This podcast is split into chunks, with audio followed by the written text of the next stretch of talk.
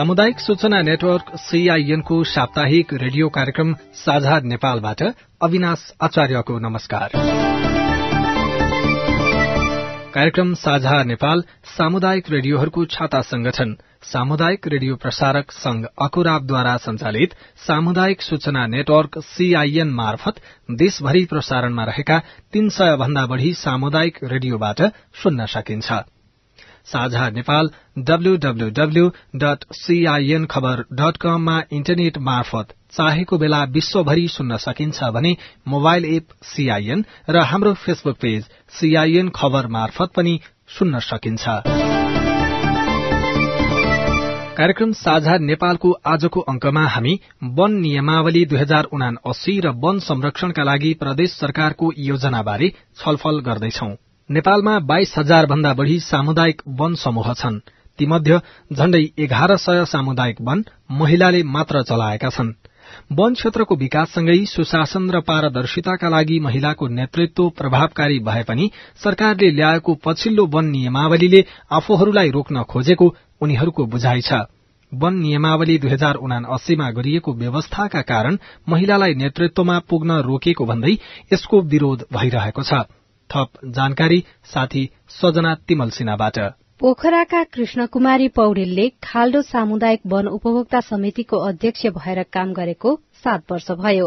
तीन वर्ष कार्यकालको लागि अध्यक्ष चुनिए पनि फेरि अर्को चार वर्ष काम गर्न अध्यक्ष बन्नु भएको छ। सबै दिदीबहिनीहरूलाई अनि दाजुभाइलाई चाहिँ हिसाब किताबदेखि जीविकोपार्जनका बजेटहरू वनमा भएका आमदानीका स्रोतहरू चाहिँ त्यसरी नै परिचालन गर्ने हिसाबले पनि होला जस्तो लाग्छ। अब म बस्छु भन्दा पनि उपभोक्ताले चाहिँ बस्नुहोस् भन्ने कुरा भयो। कृष्ण कुमारी मात्रै होइन मुलुकभरका गरी एघार सय सामुदायिक वन महिलाले मात्र सञ्चालन गरेका छन्। आफ्नो नेतृत्वमा चलेका वनमा अनियमितताको प्रश्न अहिलेसम्म पनि नउठेको दावी वन पदाधिकारीको छ। हामीले लिँदाखेरि हामीले जंगल होइन जमिन मात्रै लिएको हो। त्यस्तो नाङ्गा डाँडाहरूलाई चाहिँ हामीले संरक्षण गरेर अहिले चाहिँ हराभरा बनाएको छौँ। तर सरकारले हालै जारी गरेको वन नियमावली दुई हजार उना असीले महिलालाई नेतृत्वमा पुग्न रोक्ने भन्दै विरोध भइरहेको छ। सामुदायिक वन उपभोक्ता महासंघका अध्यक्ष भारती पाठक। अहिले आएर नियावलीमा के गर्दैछ भने त्यो अध्यक्ष र सचिव नल्याउनको लागि अध्यक्ष वा सचिव भनेको ठाउँमा अध्यक्ष वा कोषाध्यक्ष गर्दैछ। अनि उपाध्यक्ष वा कोषाध्यक्ष भनेको ठाउँमा उपाध्यक्ष वा सचिव भनेर ठ्याक्कै उल्टो बनाइदिएछ कि?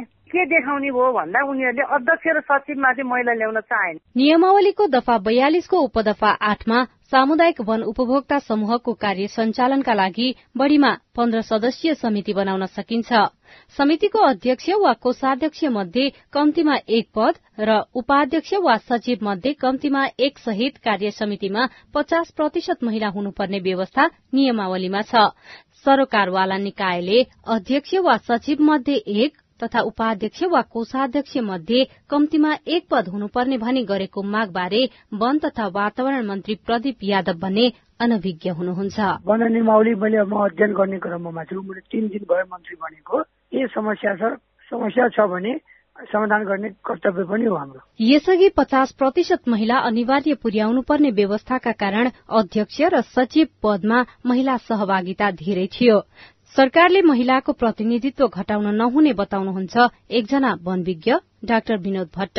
पुरूषहरूको प्रधानता रहेको सामुदायिक वन भन्दा चाहिँ धेरै राम्रो काम भएको छ बरु सानो क्षेत्र भए पनि उहाँहरूले धेरै चिज गरेर देखाउनु भएको छ। नेपालको कुल क्षेत्रफलको चौवालिस दशमलव सात चार प्रतिशत भूभाग वन जंगलले ढाकेको छ जसमध्ये बाइस लाख भन्दा धेरै हेक्टर अर्थात तेत्तीस प्रतिशत वन बाइस हजार दुई सय छैसठी सामुदायिक वन समूहले व्यवस्थापन गर्दै आएका छन्। तर वन व्यवस्थापनमा महिलालाई पाखा लगाइएको भन्दै नियमावली सच्याउनु पर्ने माग भइरहेको छ। सजना तिमल सिन्हा सीआईएन काठमाडौँ। रिपोर्ट पछि अब लागौं वन संरक्षण गर्ने प्रदेश सरकारको योजनातर्फ।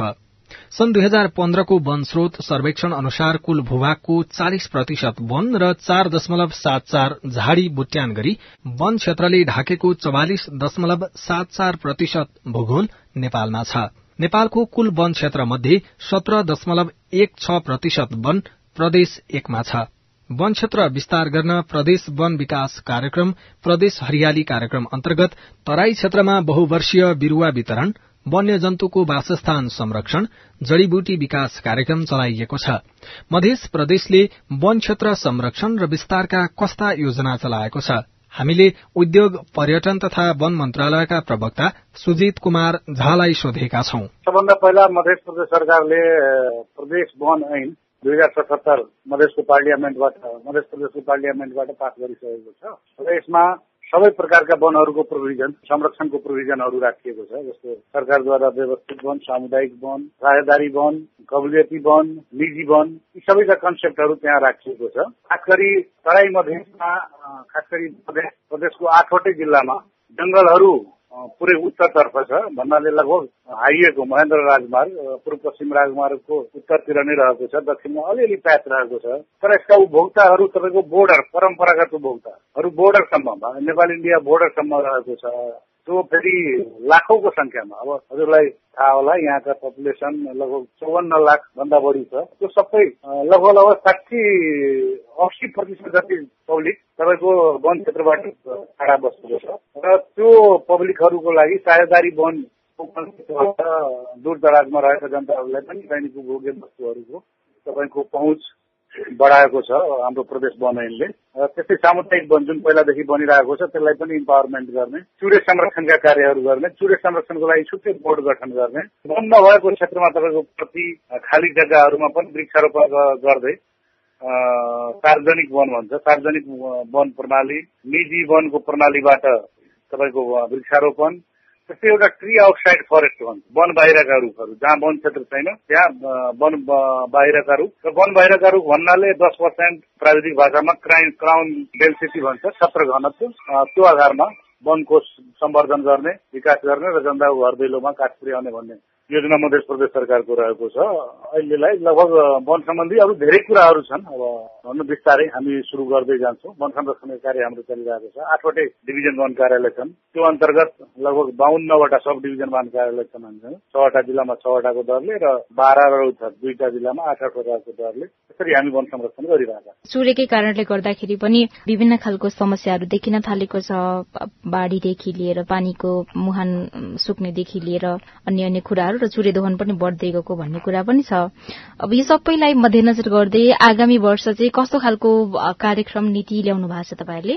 अब यस्तो छ हाम्रो मध्य प्रदेश सरकारको जुन वार्षिक नीति कार्यक्रम हुन्छ त्यसमा पनि चुरे जोगाउँ मधेस बचाउको नारा हामीले दिएका छौँ होइन? चुरे संरक्षण भन्नाले चुरे संरक्षण र त्योसँग सम्बन्धित तराई मधेसको व्यवस्थापन। अब टेक्निकली चुरेमा भएको सिल्टेसन चुरेमा भएको डिजिटेसन चुरेमा भएको रुख विनाशको कारणले गर्दाखेरि तराई प्रदेशमा वर्षेनी बाढी आउने पहिरो आउने लगायत तपाईँको सिल्टेसन हुने र यहाँका उर्वरा भूमिहरू जुन हजारौं बिघा खेतहरू तपाईँको बालुवाकरण भएर प्रोडक्टिभिटी घटेको अवस्था रहेको छ र त्यसको लागि मध्य प्रदेश सरकारले बिस्तारै अब यो त दिनको रात र रातको दिनमा सट्याउने कुरा पनि होइन। बिस्तारै वृक्षारोपण गर्ने स्लो फेस्टिभलाइजेसन गर्ने र खास गरी नदी प्रणालीमा केन्द्रित रहेर नदीलाई कन्ट्रोल गर्ने हिसाबले नदीलाई माथि शिरदेखि लिएर तिरसम्म पुछारसम्म ट्रिटमेन्ट गरेर सूर्य संरक्षणका योजना हामी ल्याइरहेका बागमती प्रदेशले वन क्षेत्र बढ़ाउन आगामी वर्ष पन्ध्र लाख बिरूवा रोप्ने योजना बनाएको छ। सिन्धुलीको हरिहरपुर गढ़ी स्थित सत्र दशमलव तीन हेक्टर जमीनमा तेह्र हजार बिरूवा लगाएर कृषि वन प्रणालीको शुरूआत गरिएको छ। झाडीयुक्त वन व्यवस्थापनको काम पनि अघि बढ़ाइने बताउनुहुन्छ वन तथा वातावरण मन्त्री विशाल खड्का। वन संरक्षणको कुरा वन व्यवस्थापनसँग जोडिन्छ होइन? त्यसको लागि पहिलो कुरा हामीले यो अहिले वन बढाउनु पर्यो खाली जग्गाहरूमा निजी वनको विस्तार गर्ने र वृक्षारोपण गर्ने। यो वर्ष हामीले पन्ध्र लाख बिरुवा रोप्ने योजना बनाएका छौँ बागमती प्रदेशमा। त्यसै गरी निजी वन सँगसँगै कृषि वनलाई पनि प्रवर्धन गर्ने कृषि वन प्रणालीको विकासै गर्ने गरी नमुनाको रूपमा सुरुवात गरेका छौँ जस हामीले यो हरिहरपुर गढी सिन्धुलीमा पाँच चार दिन अगाडि म आफैले सुरु गरेँ त्यो सत्र पोइन्ट तिन हेक्टर जग्गामा हामीले तेह्र हजार बिरुवा लगाएर त्यो कृषि वनको एउटा नमुनाको रूपमा हामीले विकास गर्न लागेका छौँ त्यो सबैतिर लिएर जाने खाली जग्गा निजी जग्गामा चाहिँ भन्ने सोचिरहेका छौँ। त्यसै गरी अर्को चाहिँ त्यो हैसियत बिग्रेको वन चाहिँ एकदमै बढेर गयो झाडीयुक्त वनहरू। त्यो त्यो वनलाई चाहिँ अहिले कम्प्लिमेन्ट तिन सय हेक्टर वनलाई चाहिँ त्यो उत्पादनमुखी वन बनाउने गरी हामीले प्रत्येक डिभिजनमाबाट कार्यक्रम बनाएका छौँ। पन्ध्रवटा डिभिजनबाट कार्यक्रम चल्छ यो र हैसियत दुइरेको वनलाई प्रवर्धन गर्ने सहरी वनको विकास गर्ने र सहरी क्षेत्रमा व्यापक वृक्षारोपण गरेर सहरी वनको वृक्षारोपण गर्ने। र अर्को के छ भने वन संरक्षणसँग जोडिएको कुरा यो वन व्यवस्थापनसँग जोडिन्छ। वन व्यवस्थापन भनेको चाहिँ यो रुखै नकाट्नु भन्ने चाहिँ वन व्यवस्थापन हुँदैन। दिगो वन व्यवस्थापनको लागि चाहिँ कम्तीमा ढला पडा र सुक्खा खडा रुखहरू चाहिँ निकाल्ने उमेर पुगेका रुखहरूलाई पनि बिस्तारै क्रमशः व्यवस्थापन गर्दै जानुपर्छ भन्ने हाम्रो पोलिसी हो। त्यसो गर्दाखेरि राष्ट्रिय अर्थतन्त्रमा पनि यसले टेवा पुर्याउँछ। र अब उसै हाम्रो सेरा गरी त काठ झरेर पिइराखेको छ। हामी छत्तिसवटा मुलुकबाट वार्षिक छ अर्बको काठ चाहिँ हामी आयात गरिराखेका छौँ। त्यसैले अब प्राकृतिक स्रोतको जुन विकराल अवस्था छ यो सदुपयोग हुन सकेको छैन। यसलाई सदुपयोग गरेर जानुपर्छ यसलाई मिलाउनुपर्छ भन्नेतिर लागेका छौँ। त्यसो गर्दा अब बुढा रुख ढल परेर रुखहरू झिक्दाखेरि एउटा त वातावरण पनि राम्रो भयो कस्तो हुन्छ भने अब यो चाहिँ रुख भनेको कार्बनको थुप्रो जस्तो हो। जब त्यो रुख नबढ्ने भयो ढल्यो त्यसले चाहिँ वातावरणको हिसाबले पनि प्रतिकूल असर गर्छ त्यसले। उसले पनि कार्बन सोच्न सक्दैन अक्सिजन फाल्न सक्दैन। अर्को चाहिँ उसले घाम छेकिराखेको हुन्छ र अरू अब सयौँ बिरुवाहरू उम्रिने जुन अवसरबाट सयौँ बिरुवाहरूलाई वञ्चित गरिराखेको हुन्छ। त्यसै त्यसको व्यवस्थापन नै हो वन व्यवस्थापन भनेको। वैज्ञानिक हिसाबले त्यसको व्यवस्थापन गर्नुपर्छ। अनि मात्रै दिगो वन व्यवस्थापन हुन सक्छ भन्ने मान्यताले हामी वैज्ञानिक विधिद्वारा नै वन संरक्षणको बिजनेसमा जाने योजना बनाएका छौँ तपाई सामुदायिक सूचना नेटवर्क सीआईएन सहित देशभरि प्रसारणमा रहेका तीन सय भन्दा बढ़ी सामुदायिक रेडियोबाट कार्यक्रम साझा नेपाल सुन्दै हुनुहुन्छ। साझा नेपालमा आज हामी वन संरक्षण गर्ने प्रदेश सरकारका योजनाबारे छलफल गर्दैछौ। गण्डकी प्रदेशले वन संरक्षण गर्न वृक्षारोपणलाई प्राथमिकता दिएको छ भने लुम्बिनी प्रदेशले सयौं वर्ष पुराना रूख हटाउने नीति अघि सारेको छ।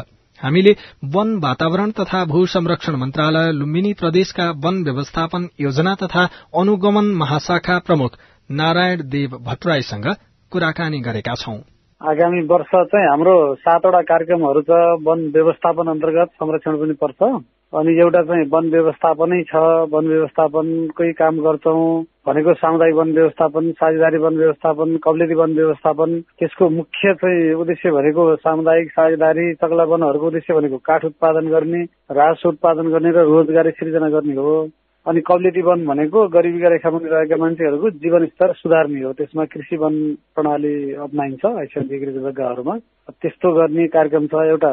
अनि अर्को भनेको वन उद्यमको कार्यक्रमहरू वनबाट उत्पादन हुने जस्तै अमृतसरको कुचोहरू बनाउने सालको पातहरूको टपरीहरू बनाउने अनि सानो सानो फर्निचर उद्योगहरू खोल्ने यस्ता यस्ताहरूलाई हामीले अनि अलिकति अनुदान पनि दिएर प्रमोसन गरेर सहयोग गर्ने कार्यक्रम हुन्छ भू तथा जलाधार व्यवस्थापन गर्ने भनेको जलाधारका आठवटा कम्पोनेन्टहरू हुन्छन्। ती कम्पोनेन्टहरूको व्यवस्थापन गरेर जलाधार क्षेत्रको उत्पादकत्व पनि वृद्धि गर्ने त्यसको उत्पादकत्वलाई लस हुन घटाउँदै जाने कम गर्दै जाने र चाहिँ अनि त्यसको चाहिँ एउटा कम्पोनेन्ट मुख्य भनेको माटोको क्षय नदिने हो। त्यसले गर्दा भू संरक्षण भन्ने विषय पनि त्यसमा राखेको छ नभए जलाधार व्यवस्थापन भित्रै पर्ने कुरा हो। अब त्यसको लागि पहिरो सहिरो जान लागेको ठाउँहरूमा अनि नियन्त्रण गर्ने पूर्व तयारी पनि पहिरोहरू जाने सम्भावित ठाउँहरू छन् भने वृक्षार्पणहरू गरेर साना साना रिलहरू बनाएर च्यानलिङ गरेर पनि अनि पहिरोहरूलाई घटाउने प्रयास पनि हुन्छ र अनि सबभन्दा बढी त अब ट्रिटमेन्टकै रूपमा ग्याभेन्स एक्जामहरू अनि बायो इन्जिनियरिङको रूपमा बाँसहरू अरू यो चाहिँ बैंसहरू यसको चाहिँ स्ट्रक्चरल फ्रेमिङ गरेर माटोहरूलाई चाहिँ माथिको चाहिँ त्यो रिल इरोजनलाई चाहिँ माथि नै रोक्ने अब गल्ली इरोजनको लागि चाहिँ ठुल्ठुलो चेक ड्यामहरू चाहिँ अब तयार पार्ने इन्भेन्टमेन्टहरू पनि बनाउने त्यस्तो किसिमको काम हुन्छ मन्त्रालयले त्यस्तो काम गर्छ। अर्को एउटा वातावरण संरक्षण र अनि अनुकूलन सम्बन्धीको काम हुन्छ। जलवायु परिवर्तनको बारेमा मान्छेहरूलाई अब लगभग चेतना भइ पनि सकेका छ। नभएको ठाउँमा चेतनाहरू जगाउने र नेपालले अब दुईटा काम गरिरहेछ। अब यो प्रदेश मात्रै नभएर देशैभरि चाहिँ एउटा मिटिगेसनको एउटा एडप्टेसनको मिटिगेसनको लागि चाहिँ हामीले चाहिँ एकदम वन क्षेत्र हाम्रो लगभग त्रिचालिस प्रतिशत भन्दा बढी छ यहाँ। नेपालभरिकै डाटा चौहत्तर पोइन्ट सात चार छ। यसको लागि चाहिँ अब हामीले हाम्रो वन क्षेत्रलाई चाहिँ पनि गुणस्तर रूपमा वृद्धि पनि गर्दै लैरहेछौँ। यो दक्षिण बेल्टहरूमा बन्न भएको क्षेत्रहरूमा चाहिँ निजी वन कार्यक्रम मार्फत दसवटा पालिकामा त कति पनि वन क्षेत्र छैन अठारवटामा एक हजार हेक्टरभन्दा कम छ। यो क्षेत्रहरूमा व्यापक रूपमा चाहिँ वृक्षारोपणको कार्यक्रमहरू गराइरहेछौँ। त्यसले गर्दा काठ दाउरा घाँसपात उत्पादन मात्रै नभएर जलवायु परिवर्तनको लागि कार्बन सोच्नको लागि पनि मुख्य भूमिका चाहिँ खेल्छ। अनि अर्को काम भनेको हामीले खोला खोल्सी व्यवस्थापन गर्ने। बाढी आएर एकदमै त्यो खोलामा चाहिँ संरक्षण मात्रै गर्दा माथि माथिसम्म चाहिँ गिग्रेटहरू आउने वन क्षेत्रभित्र पसेर बिरुवाहरू मार्ने त्यो रिजनेसनहरूलाई पुनरुत्पादनहरूलाई नोक्सान गर्ने गरेको हुनाले त्यस्तो भएको ठाउँहरूको लागि चाहिँ व्यवस्थापन गरेर निकाल्ने र त्यसलाई चाहिँ बिक्री गरेर रासो चाहिँ कायम गर्ने र रोजगारी पनि सिर्जना गर्ने गरी यिनै नै कामहरू हामी गरिरहेछौँ खास वन संरक्षणको अवस्था चाहिँ कस्तो छ अहिले प्रदेशमा? वन संरक्षणको यो वर्ष चाहिँ वन डढेलो एकदमै कम भयो है। त्यो हिसाबले अब यो वर्षको चाहिँ एकदमै राम्रो छ। वन संरक्षणको हिसाबले भन्यो भने बाहिरबाट आउने अब यो चोरी सोरी हुने कुराहरू त अब स्वाभाविकै छ। सप्लाई र डिमान्डमा आधारित हुन्छ यो कुरा। होइन सबै चाहिने नेपालीहरूलाई चाहिने काठ दाउरा घाँसपातहरूको आपूर्ति सहज रूपमा भयो भने चोरी चोरी पनि गर्नु पर्दैन। त्यसले गर्दा संरक्षणमा पनि सजिलो हुने हो। त्यो अवस्था भएन भने अनि समस्या आउने हो। र अहिले छुट्टै त्यस्तो ठुलो वन संरक्षणमा समस्या छ अब त्यस्तो केही देखिएको छैन। हाम्रो सबै कर्मचारीहरू एक हजार जति सबै प्राविधिक प्रशासनिक सशस्त्र सबै गरी कर्मचारीहरू दिनरात खटिरहनु भएको छ। त्यसले गर्दा त्यस्तो ठुलो समस्या चाहिँ आएको छैन। वन संरक्षणको लागि खास अलि उपयोगी जस्तो लाग्ने अथवा यो प्र्याक्टिकल अथवा व्यावहारिक पनि देखिने कार्यक्रम चाहिँ कुन छ तपाईँले छवटा भन्नुभयो? यसमा सबभन्दा एकदमै प्र्याक्टिकल्ली गर्नुपर्ने देखिएको वन सम्वर्धन प्रणालीमा आधारित वन व्यवस्थापन हो। यो वन सम्वर्धन प्रणालीमा आधारित वन व्यवस्थापनको काम भनेको यो वन क्षेत्रभित्र भएका पुराना रुखहरू धुन्द्रा रुखहरू बुढा रुखहरू सालको हकमा भन्दाखेरि असीदेखि सय वर्ष भएका रुखहरू अरू सल्लाहको भए साठी वर्ष भएपछि उत्तिसको भए चालिस वर्ष भएपछि यस्ता रुखहरूलाई उचित तरिकाको व्यवस्थापन पद्धति अप्नाएर हटाउने नयाँ स्वस्थ बिरुवाहरू हेल्दी बिरुवाहरू वनमा बनाउने यो चाहिँ एक नम्बर काम हो। हाम्रो मन्त्रालयको टिओआर पनि हो।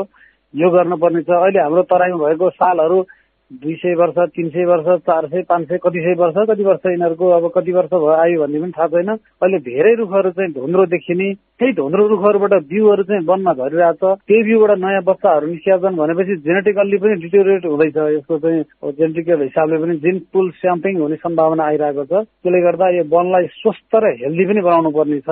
त्यसको लागि वन सम्वर्धन प्रणालीमा आधारित वन व्यवस्थापन नै हो। आगामी वर्ष यस्ता खालका कति रुख हटाउने त्यस्तो केही लक्ष्य छ तपाईँहरूको? यसरी मन्त्रालयले लक्ष्य चाहिँ तोक्दैन यो चाहिँ चक्ला वनको स्वीकृत कार्यजना हुन्छ डिभिजन वन कार्यालयहरूमा। प्रदेश वन निर्देशनालयले स्वीकृति गर्छ अहिले भने पहिला चाहिँ वन विभागबाट स्वीकृति हुन्थ्यो। त्यस्तै गरी साझेदारी वन व्यवस्थापनको पनि पहिला वन विभागबाट हुन्थ्यो अब यहीँबाटै स्वीकृति हुने व्यवस्था भएको छ।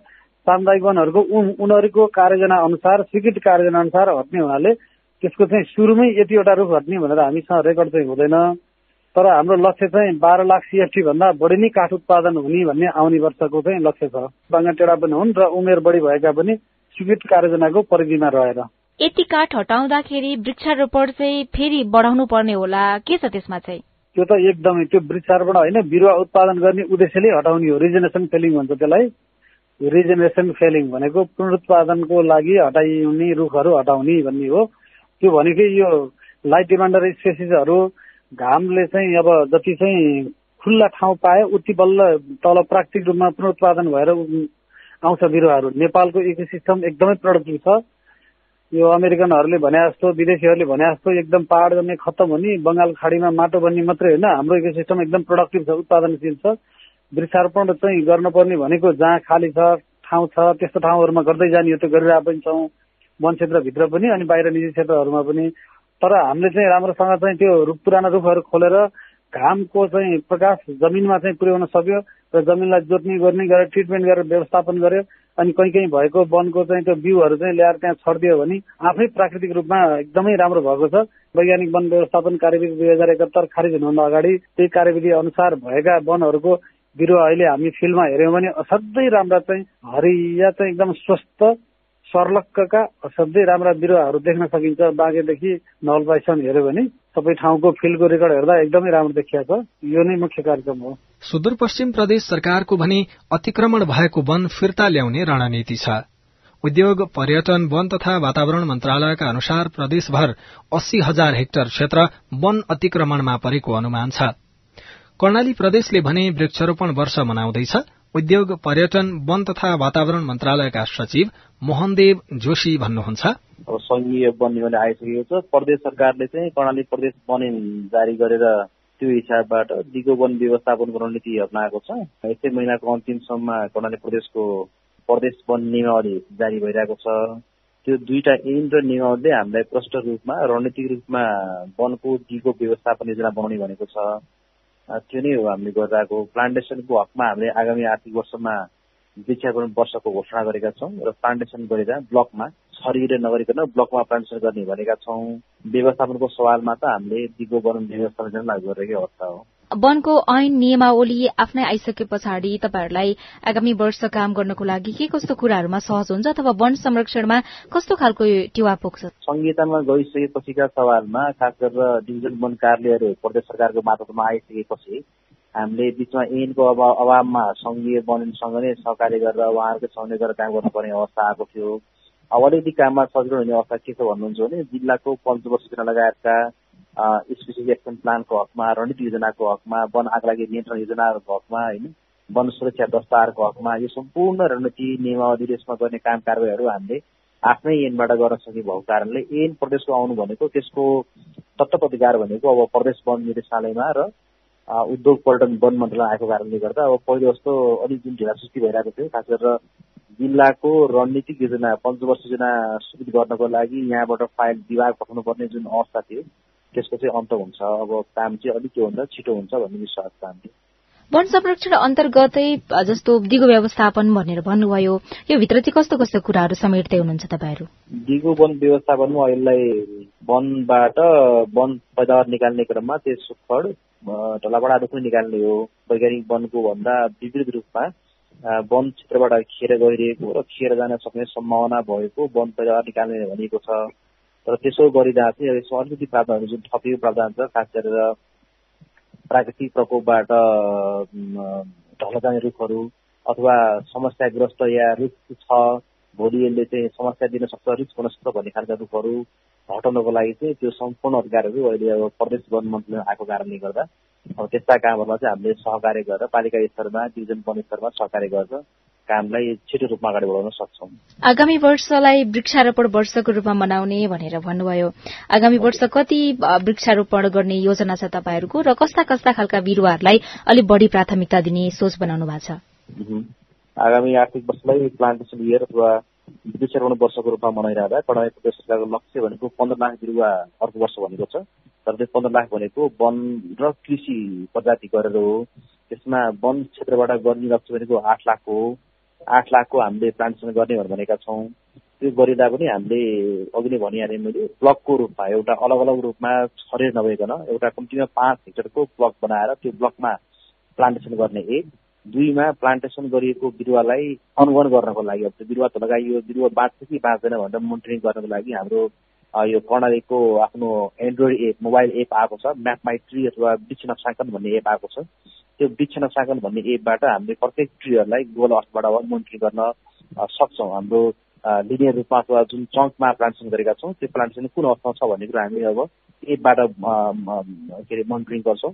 र तेस्रो रूपमा चाहिँ अब हामीले भनिरहँदा कुन कुन पत्ता लाउने भन्ने कुरोमा प्रष्ट कार्ययोजना बनाएर यसमा चाहिँ जस्तो तराईको हकमा अमला बेल रिठा रुकुम पश्चिमको हकमा चिउरी सल्यानको हकमा टिमुर माथिल्लो बेलको हकमा झुले सल्लो र ओखर भनेर त्यो नामै तोकेर प्रजातिको नाम तोकेर चाहिँ सकेसम्म सम्भव भएसम्म यी बिरुवाहरू लाउने भनेर भनेका छौँ। वीरेन्द्रनगरको हकमा चाहिँ सहरी हरित वर्ष बनाउने भनेर के अरे वीरेन्द्रनगरलाई चाहिँ यो प्लान्टेसन इयरको अन्तर्गत सहरी हरियाली कायम गर्ने भनेर वीरेन्द्रनगरभरिमा ज्याकरान्डा र म्याग्रोलिया भन्ने बिरुवाबाट लाउँछौँ हामी। यो चाहिँ सहरी हरित भयो बाँकीको हकमा मैले भनेअनुसार नै। प्रत्येक हिमाल पहाड र तराई अनुसार कुन कुन प्लान्ट भनेर नाम हामीले तोकेर पठाएको अवस्था। कुराकानीपछि कार्यक्रमको अन्तमा एउटा रेडियो रिपोर्ट। वातावरण संरक्षणमा मात्रै केन्द्रित हुँदै आएका नेपालका सामुदायिक वन हिजो आज भने पर्यटन प्रवर्धनमा पनि सक्रिय हुन थालेका छन्।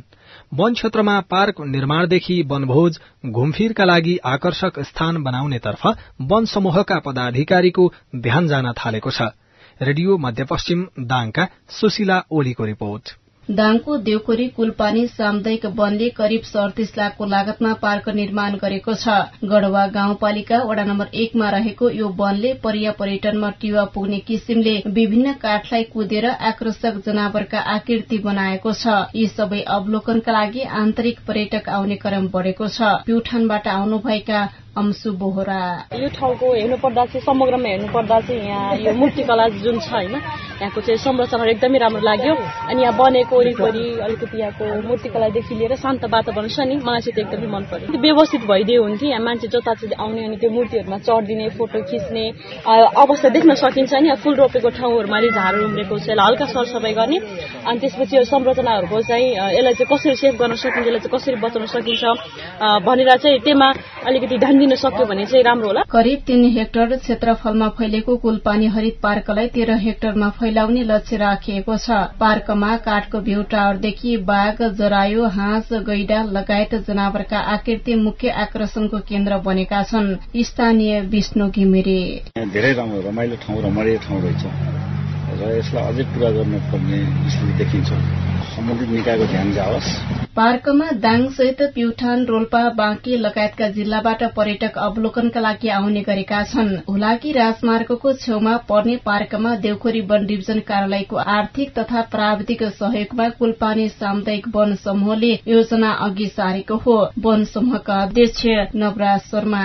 पार्क अहिले हाम्रो तीन हेक्टर जतिमा छ पार्क त्यो संग्रहालय त्यसपछि गएर सिमसार क्षेत्र सबै गर्दा तीन हेक्टर जतिमा छ। तर हाम्रो वनको पनि एउटा अवलोकन गर्ने खालको वनको निर्माण गर्ने भन्ने लक्ष्य राखेर हामी अगाडि बढिराखेका छौँ। कुलपानीले मात्रै होइन देउखुरीका छवटा सामुदायिक वनले पनि पर्या पर्यटनका लागि पार्क निर्माण पोखरी निर्माण लगायतका काम गरिरहेका छन्। वन डिभिजन कार्यालय देउखुरीका प्रमुख विशिन्द्र राज सुवेदी। प्राविधिक सहयोग पनि गर्छौँ र हाम्रो अनुगमन पनि गर्छौँ। हामी त्यहाँ गएर सुपरभिजन पनि गर्छौँ। कहीँ कमी कमजोरी गल्ती भए सच्याउन हामी फिडब्याक दिन्छौँ वन क्षेत्रलाई पर्यटक स्थलको रूपमा विकास गर्नका लागि सरकारी तथा गैर सरकारी निकायबाट आर्थिक तथा अरू सहयोग जुटाउने क्रम देशैभरि बढ़दै गएको छ। तर त्यसरी जम्मा भएको रकमको दुरूपयोग हुनबाट बचाउन उपभोक्ताहरू पनि चनाखो हुनुपर्छ। सुशीला ओली सीआईएन रेडियो मध्य पश्चिम दाङ। यो रिपोर्ट सँगै हामी कार्यक्रम साझा नेपालको अन्त्यमा आइपुगेका छौं।